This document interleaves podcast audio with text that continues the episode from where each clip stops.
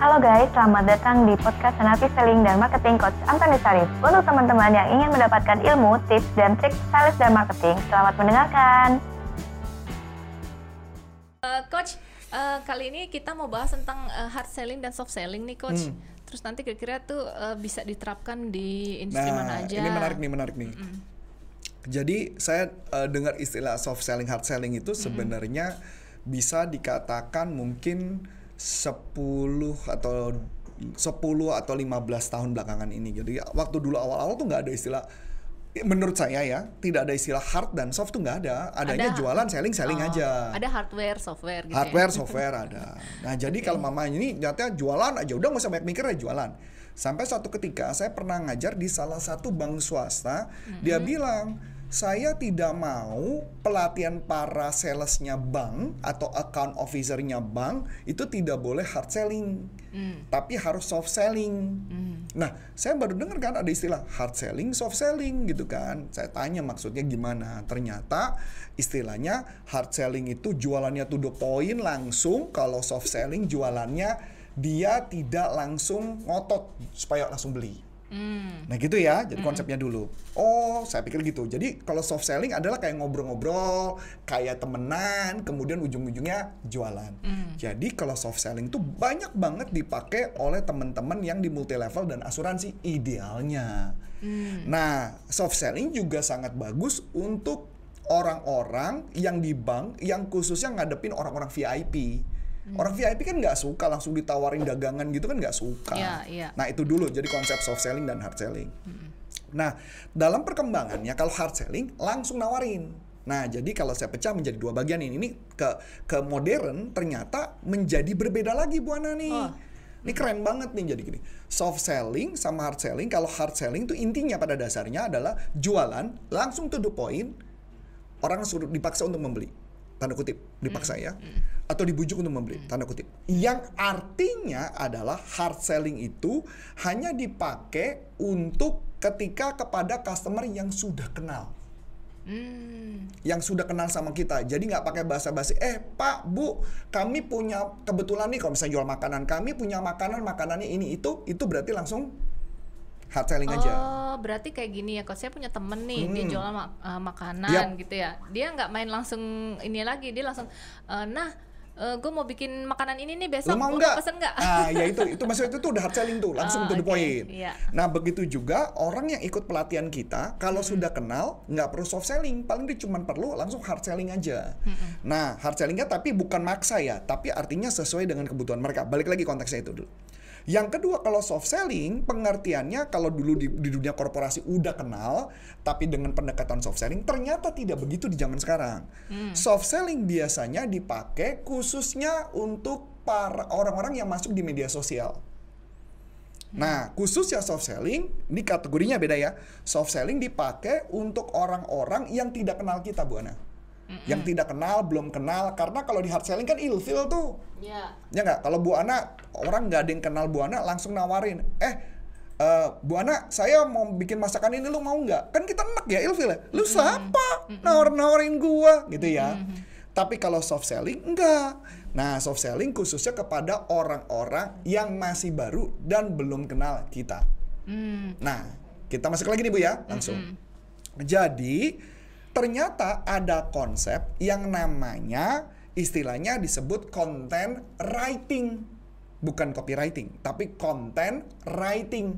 Nah, jadi content writing artinya bagaimana memanfaatkan media sosial untuk kita jualan. Dengan cara pakai metode soft selling. Hmm. Nah, ini seru banget nih, keren banget gitu. Jadi, kalau mau membuat konten, bagaimana caranya supaya orang mau membeli? maka harus melakukan pendekatan dengan tulisan yang mengandung kaidah tetap ujung-ujungnya adalah memakai ada unsur yang namanya empat emosi dasar manusia.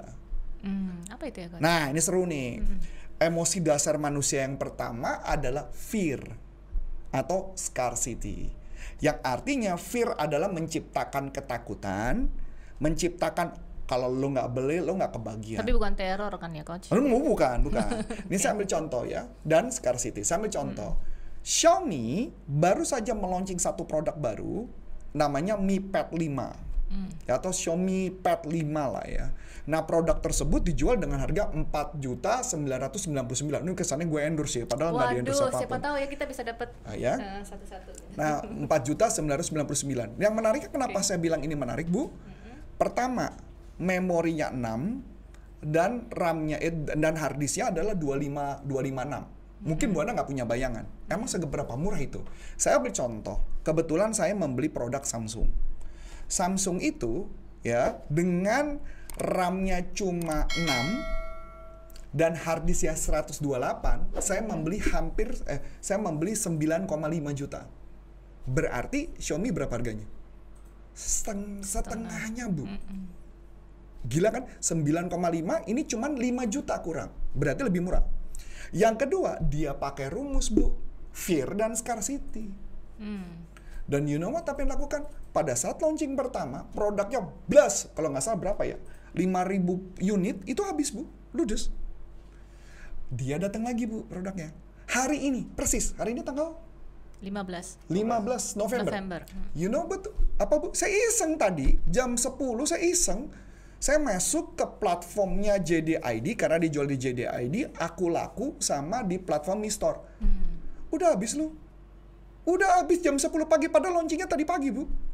Langsung habis produknya.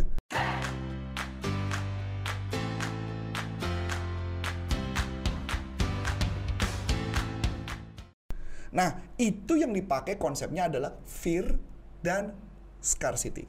Jadi kalau lu nggak dapet, lu rugi. Kalau ditanya, apakah saya akan beli? Ya enggak aja. Cuma kayaknya, ih kok orang sampai segitunya gitu loh. Jadi kalau ditanya, kena nggak sih efeknya? Kena. Hmm. Walaupun ditanya perlu nggak produk? Kagak seorang udah punya Samsung kok buat apa? Tapi karena itu membuat orang ngerasa ih gua nggak kebagian nih. Bego banget gua kalau nggak kebagian. Gitu loh. Karena yang saya tahu bahkan ada beberapa pedagang yang mendapat harga itu kemudian dijualnya enam setengah juta 7 Wah. juta bu. Jadi make sense banget gitu caranya. Jadi artinya nah si Adi aja langsung notot wah ini gue bisa dapet duit nih. Oh, dapat gitu duit kita beli tambahan. dulu tadi ya. begitu jam 12 siang kalau perlu langsung beli ya. Nggak 12 pagi. Tapi emang menarik cepet banget bu. Saya juga kaget amazing. Habis udah ludes nggak mas saya dapat saya. Nah singkat cerita itu yang disebut namanya fear dan scarcity. Mm-mm. oke ya.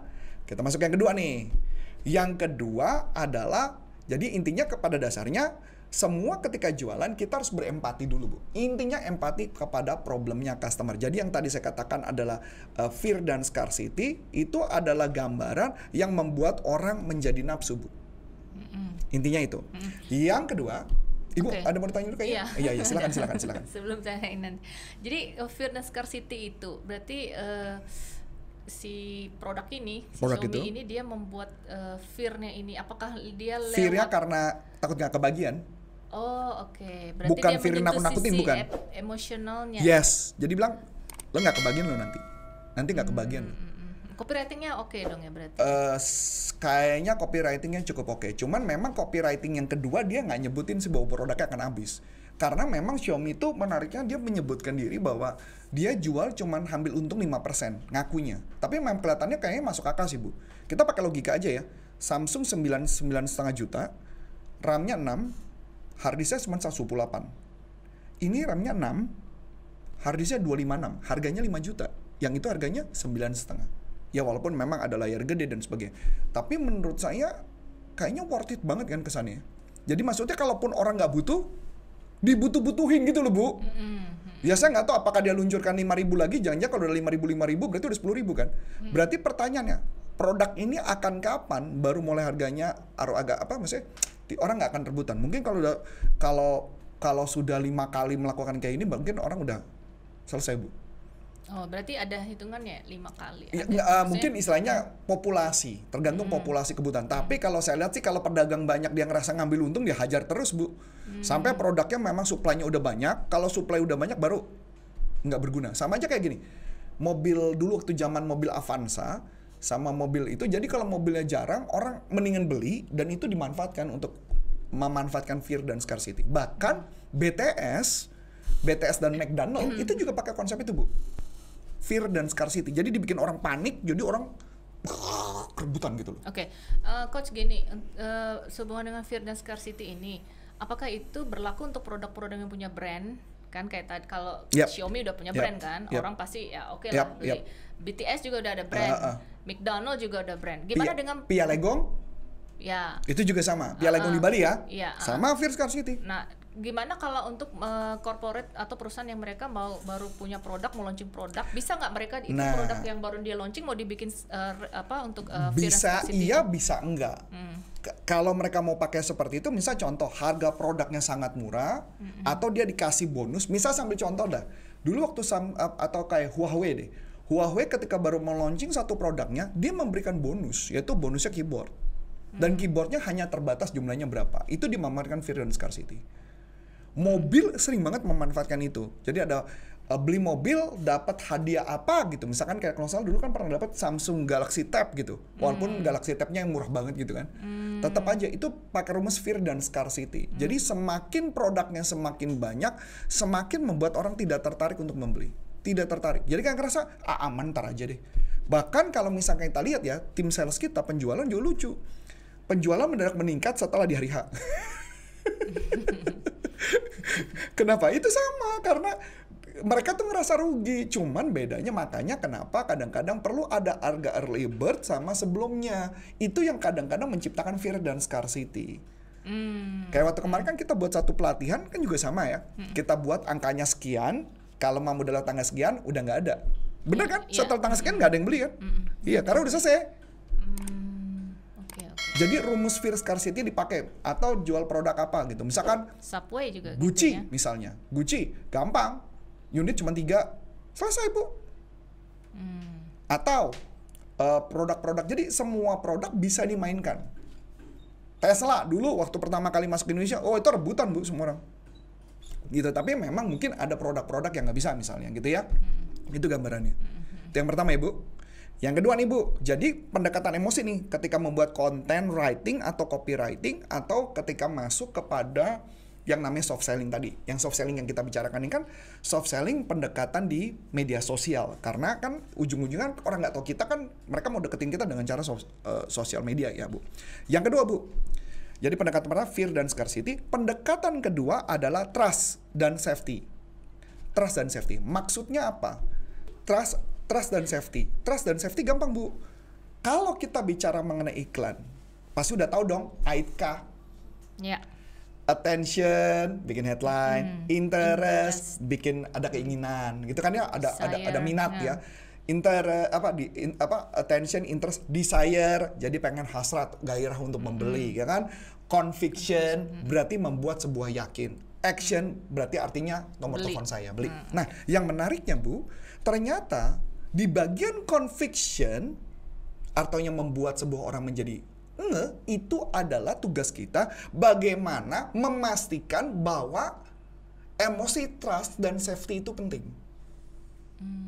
Contoh, kalau misalkan seseorang mau beli kue, ya mau berjualan kue deh bu, pertanyaannya trust safety-nya di mana? Kalau nggak kenal. Dia harus coba kuenya. Kalau enak Kalau teman baru beli betul kan? Mm-mm. Trust dan safety-nya mungkin kasih apa uh, produk sampel. Tester, ya. Tester itu adalah trust dan safety. Pertanyaan menarik. Bagaimana kalau misalkan kita jualan mobil? Trust safety-nya gimana? nggak mungkin dikasih uji coba ya. Nah, mungkin. mungkin. Oh gitu, test Uh, drive. test drive ya. Oke. Itu trust dan safety. Atau dia bisa buat garansi 3 tahun. Atau garansi service 5 tahun. Itu artinya membangun trust dan safety, Bu.